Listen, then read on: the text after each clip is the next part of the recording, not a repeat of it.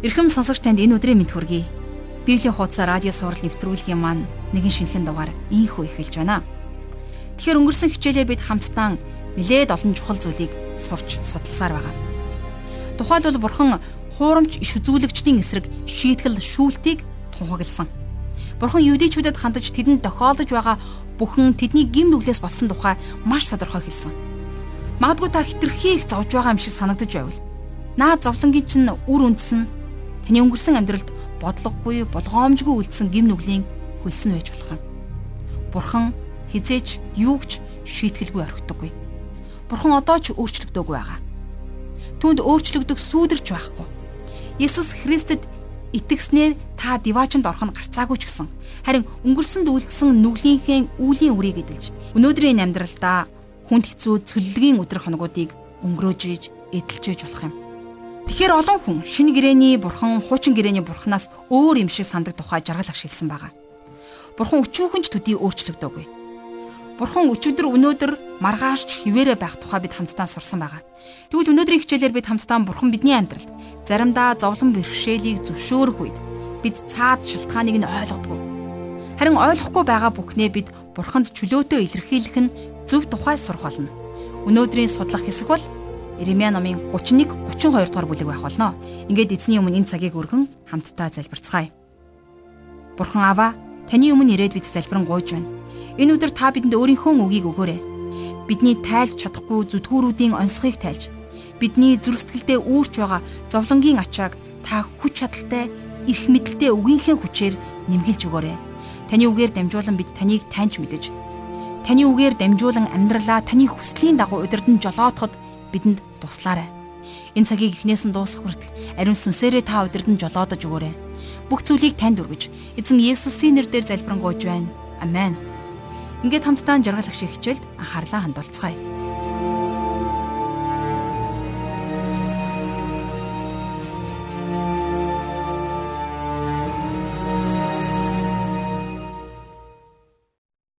За өнөөдрийнхөө хичээлийг бид хамтдаа Ирмия номынхон 31-р бүлгээр эхлүүлж байгаа. Тэгэхээр 30-аас 33 дугаар бүлэг дээр бол нэгэн гайхалтай урам зориг өгсөн магтуу гарч байгаа. 30 дугаар бүлэг хүртэл бол Ирмия удалгүй ирэх шүүлтийн дээр төвлөрсөн байдаг болвол а яг 31 дугаар бүлгээс эхлээд түүний иш үзүүлэг эрс өөр болж хувирдаг. За энэ бүлгүүдийг бид нар Израилийн авралын дуулал гэж нэрлэж болох юм. А гэхдээ энэ үгсийг бурхан Юдагийн түүхэн дэх хамгийн хар бараан өдрүүдэд өгсөн гэдгийг бид бас санах хэрэгтэй. Юдагийн сүүлчийн хааны хувьд Зидки хааныг бид нар хойд Израиль улсын сүүлчийн хаан Хошиятай харьцуулж болно. А гэхдээ Зидки хааныг хаан болохоос айл эрт хойд Израилийн хаан тулс цөлөгдөн одсон байсныг та бас санаж байгаа бох тийм ээ. За тэгэхээр энэ удаад бол Небухиднецар хаан их зэрэгтэйг Иерусалим хотын хэрмийн гадна ирчихсэн. За тэгээд хотыг нурааж эзний өргөөг шатаахын ирмэг дээр ирсэн байсан. Хуурамч иш үзүүлэгчдийн үгс худлаа байсан гэдэг нь нэгэнд нотлогдчихсан байсан. За тэгэхээр энэ цаг үеэс даруй 7 жилийн өмнө Хананы ягэгч иш үзүүлэгч Вавилоныг 2 жилийн дотор нуран унах болно гэж иш үзүүлж байсан. А гэтэл харин Небухиднецар хаан сүрхэн битгийхэл улам илүү хүчрхэг болчихсон. За тэгээд Юдагийн ард түмнийг залгихад бэлэн болсон байсан. За харин энэ удаад Ирми ард түмэндээ хандаж урам зориг өгсөн үгсийг дамжуулсан. Тэгэхээр бидний өмнөх хичээлээр үздсэн 30 дугаар бүлэг дээр эзний агуу өдрийн тухай өгүүлсэн байсан тийм ээ. А тэгвэл өнөөдрийн бидний үзэх 31 дугаар бүлгийг бид нар би гэсэн үгээр нэрлэж болно. Яагаад гэвэл ганцхан энэ бүлэг дээр бурхан би гэж нийтдээ 15 удаа хэлсэн байна. Бурхан энэ бүлэг дээр 15 удаа би гэж өөрийнхөө хийх гэж байгаа зүйлсийг тунхагласан байна. Ингээд хамтдаа өнөөдрийнхөө хичээлийг 31-р бүлгийн 1-р ишлэлээр эхлүүлье. Тэр үед би Израилийн бүх ургийн бурхан байж тэд ард түмэн минь болно гэж эзэн тунхаглаж байна. За энд хэлж байгаа энэ иш үзүүлэг бол одоогор хараахан биелэгдээгүй байгаа гэж ойлгож болно. Өнөөдөр Израильчууд газар нутаг дээрээ эргэж ирсэн ч гэсэн тэд нар бурхан руу хараахан эргээгүй байгаа учраас энийг энхүү иш үзүүлгийн биелэл гэж үзэх боломжгүй байгаа юм. Өнөөдөр Израильд Христэд итгэгчид хавчигдах асуудал баггүй гарч байна. Өөрөөр хэлэх юм бол тэр ард түмэн газар нутагтаа бутсан ч гэсэн бурхан руугаа эргээгүй байна гэсэн үг. За 2-оос 3 дугаар ишлэлийг одоо уншийе. Эзэн ингэж айлдаж байна. Элднээс амьд үлдсэн хүмүүс нь цөлд нэгүслийг олсон. Амралтаа хайхаар явсан Израиль юм. Эзэн түүнд холоос үзэгдэн би чамайг үрдийн хайраар хайрлсан. Тиймээс би чамайг хайр инэрлэр татсан билээ гэсэн байгаа тийм ээ. Бурхан тэдгэр хүмүүсийг газар нутагт нь буцаахыг хүссэн шалтгаанаа энд маш тодорхой хэлж байгаа. Бурхан Израиль үндэстнийг өөрийнхөө товлсон цагт өөрийнхөө төлөвлөгөө зорилгын дагуу сэргээх болно гэж хэлсэн байна. Яг гэвэл энд бичгтээ би чамайг үрдийн хайраар хайрлсан гэж хэлсэн байна тийм ээ. Энэ бол Бурханы хамгийн гайхамшигтай тунхаглуудын нэг юм.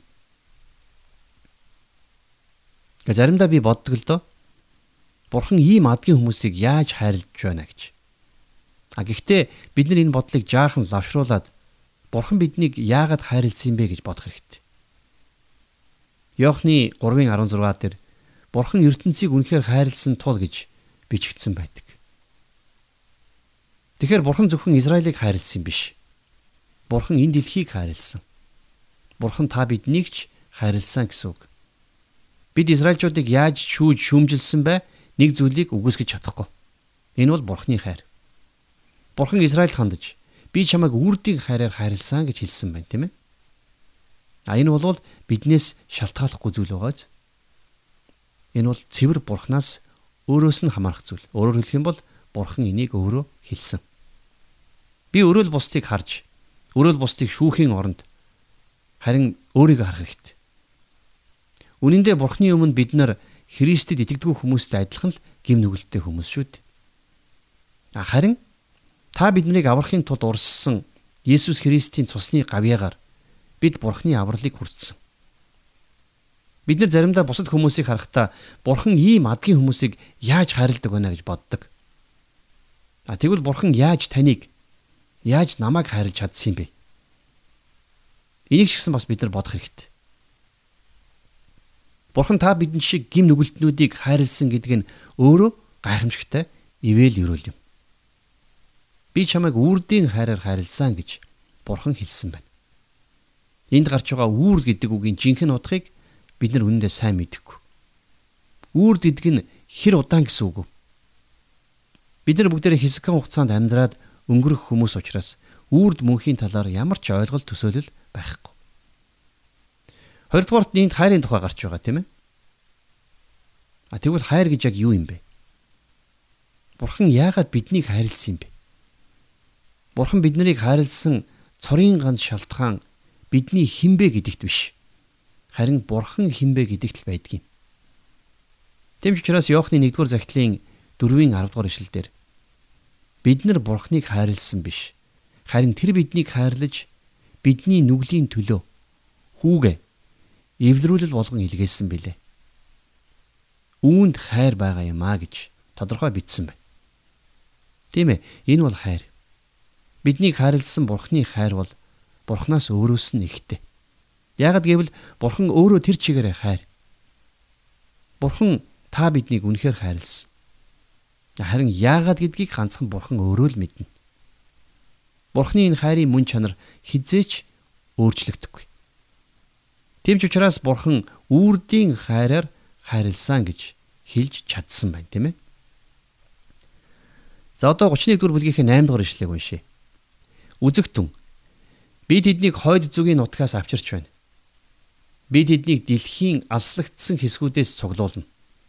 Тэдний дунд сохор ба доглон, жирэмсэн эмэгтэй ба төрхөөр өвдөж буй эмэгтэй бүгд хамтдаа байх болно. Бөөн хүмүүс тэд энд буцаж ирнэ. Израильчуудыг эргүүлж нутагт нь авчрахад бурхан өвчтөе сохор доглон хүмүүсийн үлдээгээд хамгийн эрүүл саруулыг нь авчрах байхаа гэж бодох хэрэггүй гэж хэлсэн байна тийм ээ. Бурхан хэлэхдээ нэг ч хүнийг үлдээлгүй бүгдийг нь авчирнаа гэж хэлсэн.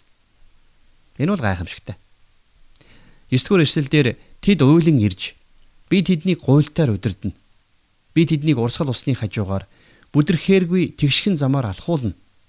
Учир нь би Израильд эцэг нь бөгөөд Ифраим бол ууган хүү минь юм а гэсэн байна. Бурхан хизээч хин нэгэн Израиль хүнийг миний хүү гэж дуудаж байгаагүй. Дандаа л миний зарц Мосе эсвэл миний зарц Давид гэж дууддаг байсан. Харин Израилийг бүхэлд нь авч үзэхээрээ түүнийг нэг хүн шиг тооцож би Израилийн эцэг гэж бурхан хэлсэн байна. За энэ бол бас л гайхамшигтай тунхаглал юм. 10 дугаар эшлэлдэр үндэстнүүдээ эзний үгийг сонсож алс холын эргүүдэд тунхаглан Израилийг тараасан нэгэн түүнийг цуглуулan хончин хонь сүргээ хамгаалдаг шиг түүнийг хамгаална гэж хилцгээ гэж бичсэн байна. Бурхан Израилийг дэлхий даяар тараасан нь тэдний дээр буулгасан Бурханы шүүлт байсан юм а. А гэхдээ Бурхан тэднийг үрдийн хараараа хайрлсан гэдгээч бас тунхагласан байна, тийм ээ. За тэр ч утгаараа Бурхан тэднийг газар нутагт нь эргүүлэн авчирнаа гэж амласан байна. Бурхан Израильчуудад хайртай. А гэхдээ Бурхан тэдний гим нүглийнхэн төлөө шүүсэн. Энэ ч утгаараа Иремьягийн дамжуулж байсан үг өөр хоорондоо их зөрчилттэй юм шиг сонсогдож байсан. Иремья шүүлтийн гай гамшигыг тунхаглаж байсан ч гэсэн бас авралын найдварыг ч давхар ярьж байсан. Тэрний үгэнд баяр гуниг сүлэлдэн байсан гэсэн үг. Бурхан өөрөө Израилийг шүүж тэднийг тараасан ч гэсэн өөрөө тэднийг хончин хүн хонио цуглуулах мэт цуглуулна гэдгийг амласан байна. За 31-р бүлгийн 13-аас 14-р эшлэл. Тэгээд онгон охин мөн залуу ба хөгшин хүн хамтдаа бүжиглэн баярлана.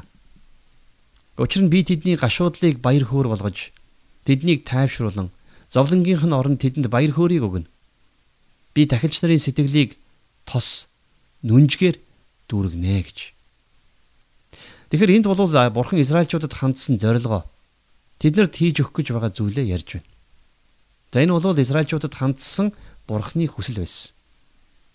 Харин Израильчуудын яг тухайн үеийн нөхцөл байдал маш хэцүү байсныг битгий мартаарай. Тэр үед тэд нар бурханы эсрэг зогсож бурханд итгэлгүй, дуулуургүй, зөрүүд хандаж байсан шүү дээ. За цааш нь 22 дугаар ишлэгийг харах юм бол итгэлгүй охин Чи хэр удаан үүгээр түүгээр явах юм бэ? Учир нь эзэн дэлхий дээр нэгэн шин зүйл бүтээв. Эмэгтэй хүн эрэгтэй хүнийг хүрээлнэ гэсэн байна. За энэ ишлэлийг болохоор зэрэг Библийн багш нар Есүс Христийг онгон бүсгүйгээс мэдлэн гэсэн иш үзүүлгээ гэж тайлбарладаг. Харин бидний дараагийн унших 31-р ишлэлийн эхэнд Бурхан Израилийн 12 овог аймагт нэгэн шин гэрээ байгуулах тухай гардаг. Израилийн 10 овог аймаг нь Ассир руу цөлөгт явсан байсан тийм ээ. Олон хүмүүс тэднийг бүрмөсөн, устсан гэж бодож байсан ч харин Бурхны хувьд бол тийм байгаагүй. Бурхан тэр бүх 12 овог аймагт шин гэрээг байгуулах болно гэж хэлсэн. Одоо бүгдээрээ хамтдаа тэр ишлэлийг уншийе. 31-р бүлгийн 31-ээс 33 дугаар ишлэл. Эзэн тунхаглаж байна. Харах тун. Израилийн гэр ба Юдагийн гэртээ би шин гэрээ байгуулах өдрүүд ирж байна. Би тэднийг Египт нутгаас гаргахын тулд эцэг өвгдийнх нь гараас хөтөлсөн тэр өдөр тэдэнтэй байгуулсан гэрээ буюу хэдийгээр би тэдний хань нөхөр натал тэдний зөрчсөн гэрээтэй минь энэ нь адилгүй юм а гэж эзэн тунхаглаж байна. Гэвч тэр өдрүүдийн дараа Израилийн гэртээ миний байгуулах гэрээ энэ юм гэж эзэн тунхаглаж байна. Би хуулиа тэдний дотор хийж би тэдгэрийг зүрхэн дээр нь бичнэ. Би тэдний бурхан тэд миний ард түмэн болно гэсэн байна. За бурхны хэлсэн энхүү гэрээ болвол Сина уулан дээр Мосед өгсөн тэр гэрээ биш юм. За тэрхүү гэрээг чулуун дээр бичсэн байсан бол харин энэ гэрээг бурхан хүмүүсийнхээ зүрхэн дээр бичих болно гэж айлдсан байна шүү дээ. За цааш нь 34 дугаар эшлэлдэр хүмбэр хөрштөө ах トゥ удэ эзнийг мэд гэж заахгүй. Учир нь өчүүхнээс агуун хүртэл тэд бүгд намайг мэдэх болно гэж эзэн тунхаглаж байна. Учир нь би тэдний хилэнцгийг уучилж нүглийг нь дахин ис саннаа. За бурхан зөвхөн тэднийг өөрсдийнх нь газар нутагт эргүүлэн авчирнаа гэж амлаа зогсохгүй. тэдний бүх гим нүглийг бас хилэнцгийг нь уучлана гэж амласан байна, тийм ээ. Бурхан Израильтай байгуулсан гэрээгээ дараах байдлаар батлан хэлсэн. Хамтдаа 35-аас 36 дугаар ишлэлийг одоо харъя. Гэрэл болгож өдрөөр нарыг шөнөөр сар болон оддыг тогтоогдсон зарилгаар өгдөг. Давлгааг нь хүржгэнтэл далайг готгодог эзэн ингэж айлдж байна. Нэр нь төг төмдийн эзэн. Хэрвээ тогтоогдсон зарилэг миний өмнөөс холдвол Израилийн үр удам бас миний өмнө үндэстэн байхаа үрд болно гэж эзэн тунхаглаж байна гэсэн мэн. Энэ гэрээ бол хизээч өөрчлөгдөшгүй гэрээ байх болно гэдгийг энд тодорхой хэлжээ. Та бид нар Тэнгэрийн нар сар оддын хөдөлгөөнийг өөрчилж чадахгүй шиг Бурхны гэрээч хийсэн хизээч өөрчлөгдөшгүй гэдгийг энд хэлсэн байна. За дараагаар нь харин Ирмие номын 32 дугаар бүлэг дээр Ирмие шоронд байхдаа хэлсэн иш үзүүлгүүд гардаг. За тэр үед Иерусалим хот бэхлэлтэн шилжиж Небухиднезар хааны цэргүүд Иерусалим хотыг бүсэлсэн байсан. А гисэн хэдий ч Иремья төрлөх хот Анатотто газар худалдан авсан.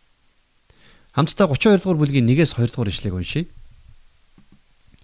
Юдагийн хаан Зидикиягийн 10 дугаар онд буюу Небухиднезарын 8 дугаар онд эзнээс Иремьяд үг ирэв.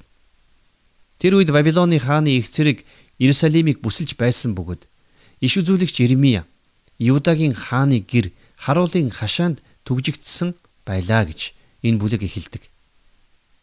Тэгэхээр Иремья тэр цаг үеийг Зидкия хааны 10 дугаар он гэж онцлон бичсэн байна тийм ээ.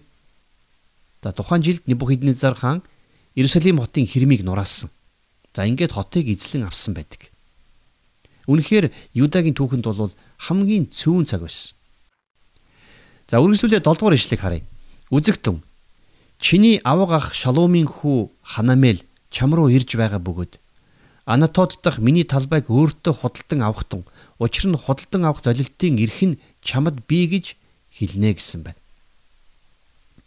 За яг энэ үед бурхан Иремьяд Хамаатныхаа ах Ханамелаас газар худалдан авах боломж тохиосон гэдгийг урдчлан хэлсэн. За 9 дугаар ишлэгийг харах юм бол би Анатот дахь талбайга авга ахынхаа хүү Ханамелаас худалдан авч түүнд 17 шикел мөнгө химжиж өгвөө. Тэгэхэр их сонин. Юу вэ гэхлээр Юдагийн түүхэндх хамгийн хар бараан энэ өдрүүдэд Ирмие өөртөө газар буюу үл хөдлөх худалдаж авсан. Уг нь ийм үед үл хөдлөх хөрөнгө бушуухан зарах ёстой байдаг шүү дээ. За Иерусалимд ч тэр Иерусалимийн иргэн тойрон дох бүх газрыг хүмүүс зарж байсан. А тэгвэл яагаад Иремья эсэргээрээ ийм хүнд хэцүү цаг үед газар худалдаа авсан болоо? Энэ үйлдэлээрээ бол Иремья бурхны үгийг үнэн болохыг батлан харуулсан байна. Бурхан тэднийг газар нутагт нь буцаах болно гэдгийг Иремья энэ үйлдэлээрээ харуулж чадсан. За энэ ч утгаараа Иремьягийн энэ үйлдэл илүү агуу утга учиртай байсан гэсэн үг. А гэхдээ цаад утгыг нь бол Иремья сайн ойлгохгүй байсан. Тийм ч учраас Иремья бурханд хандан шударгаар залбирсан байна. За энэ тухай хамтдаа 32 дугаар бүлгийн 16-аас 17 дугаар ишлээс харъя. Худалдан авсан юмны баримтыг Нириягийн хүү баруухад өгсөний дараа би эзэн залбирсан. Аяа эзэн бурхан үзэгтэн та агуу хүч чадлаараа болон сунгасан мутраараа Тэнгэрс ба газрыг бүтээсэн билээ танд юу ч дэндүү хэцүү биш гэсэн байна. Иремья бурхны хэлсэн үгийг хэдийгээр дуулууртай дагсан ч гэсэн дотор нь эргэлзээ. Хариулж чадхааргүй асуултууд байсан. 18-аас 23 дахь ишлэлдэр бурхан Израилийн түүхийн туршид тэднийг хэрхэн өмгөөлж хамгаалж ирсэн тухай Иремья тоочин ярьсан байдаг. А гэтэл энэ удаад нөхцөл байдал үнэхээр хүнд болсон байсан. За үргэлжлүүлээд 24-өөс 25 дугаар ишлэгийг одоо уншийе. Үзэгтэн бүслэлтийн далангууд хотыг авахаар түүнд хүрчээ. Илд үлсгэлэн болон тахлын улмаас хот өөрийнх нь эсрэг тулалддаг халдыйчүүдийн гарт оров. Таны айлдсан зүйл биелжээ. Үзэгтэн та хардаг билээ. Аяа. Эзэн бурхан. Хэдийгээр хот халдыйчүүдийн гарт өгөгдсөн ч гэсэн та надад өөртөө мөнгөөр талбай худалдан авч гэрчүүдийг дууд гэсэн билээ. За эндээс харах юм бол Иремья бурханд маш их итгэж байсан тийм ээ. А гэхдээ тэр мухар сүсэгтээ шашнаар хийрхдэг нэгэн байгаагүй шүү. Бурхан орчлын ертөнцийг бүтээсэн гэдэгт тэр итгэж байсан. Бурхан Израилийг харж ханддаг гэдэгт тэр итгэж байсан. Харин тэгтэл халдыйчууд хотын хэрмийн гадна ирчгээд байхад Бурхан тэрнийг явж газар худалдаж аваа гэж хэлсэн. За мэдээж Иремье дуулууртаагаар дагсан. А гэхдээ л тэр Бурханаас асуусан байна тийм ээ. Яагад гэвэл яагад газар худалдаж авах болсон юм бэ гэдэг энэ бүх учир шалтгааныг Иремья ойлгоогүй байсан. Тэгэхээр өнөөдөр би юу гэж хэлэх гээд байна вэ гэхээр Бурханаас яагаад гэж асуухад буруу юм огт байхгүй. Хэрвээ танд эргэлзээ асуулт байгаа бол Бурхан дээр очиод асуугаарай. Бурханд энэ тухайга нийн уугүй хэлээрэй. Бурхан биднээс энийг л хүсдэг. Битгий хоёр нүур гаргаарай. Бүхнийг мэдж байгаа юм шиг дүр битгий эсгээрэй. Олон хүмүүс бурханд бат итгэж байна гэж хэлдэг хэрнээ. Бурханы өмнө уйлж, гомдлож яагаад гэж асуудаг шүү дээ. Ийм биш харин Иремья шиг шудраг байцгаая. Иремья бурхныг дуулууртаа дагсан. А гэхдээ Иремья бас эргэлзэж байгаагаа ч бурхнаас нуугаагүй. Энийгээ бурханд залбирал дотроо хэлсэн. Бурхан Иремьягийн залбиралд 26-аас 44 дугаар ишлэлдэр хариулсан байдаг. За энэ тухай Иремья номынхон 26-аас 27 дугаар ишлэлээс харъя. Тэгтэл эзний үг Иремьяд ирж айлдахдаа Үзэгтэн би эзэн бүх махбодын бурхан надад ямар нэгэн дэндүү хэцүү зүйл гэж байх уу гэсэн байна. За бурхан хамгийн түрүүнд тэрний хувьд хэцүү зүйл гэж нэгч байхгүй гэдгийг Иремья сануулсан байна. За үргэлжлүүлээд 36-аас 40 дугаар ишлэлдэр Тиймээс одоо Израилийн бурхан эзэн Илд өлсгөлэн ба тахлаар Вавилоны хааны гар тушаагдсан гэж чиний хэлж байгаа энэ хотын талаар ингэж айлдаж байна. Үзэгтэн уур хилэн хийгээд их зэвүүцлээрэ. Би тэднийг зайлуулсан бүх нутгаас цуглуулна. Би тэднийг энэ газарт буцаан авчирч тэднийг аюулгүй амьдруулна. Тэд миний ард түмэн. Би тэдний бурхан болно. Тэд сайныхаа төлөө болон өөрсдийн дараах үр хүүхдүүдийнхээ төлөө надаас үргэлж имээхийн тулд би тэдэнд нэг зүрх, нэг замыг өгнө. Тэдэнд сайныг үлдэн тэднээс ирэхгүй гэж би тэдэнтэй үрдийн гэрээ байгуулна. Тэд надаас ирэхгүй тулд би тэдний зүрхэнд надаас эмээхүйг хийн гэж хэлсэн байна. Бурхан энэ хотыг халдайчуудад өгөх болно гэж хэлсэн. Харин товлсон цаг нь болоход Бурхан Иерусалимыг халдайчуудын гараас аврах болно гэдгээ ч хэлсэн байна, тийм ээ. За үргэлжлүүлээд 32 дугаар бүлгийнхээ 41-ээс 42 дугаар ишлэгийг харъя. Би тэдэнд сайныг үйлдэхээр тэдэнд баярлан баясаж бүх зүрх болон бүх сэтгэлээрээ тэднийг энэ нутагт итгэлтэйгээр тарьж суулгана. Учир нь эзэн ингэж айлдаж байна. Би энэ ард түмэн дээр эдгээр бүх үлэмж гамшигыг авчирсантай адил түүнчлэн би тэдэнд амлаж байгаа бүх сайныгаа бас тэдэн дээр авчрах гэж байна гэж бурхан хэлжээ.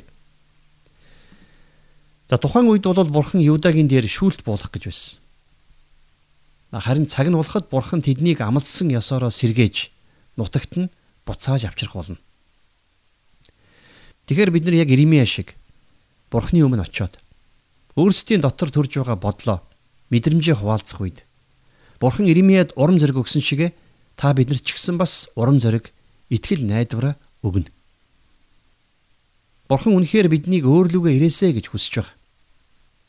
Хэдийгээр тухайн үед Юдагийн хувьд маш бүрхэг өдрүүд үргэлжилж байсан ч гэсэн Бурхан Иремьяд тэрхүү хонглын үзүрдэх гэрлийг харахыг зөвшөөрсөн байна, тийм ээ.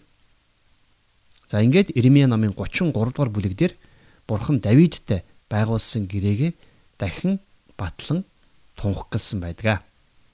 Энэ тухай дараагийн хичээлээр үргэлжлүүлэн үзье.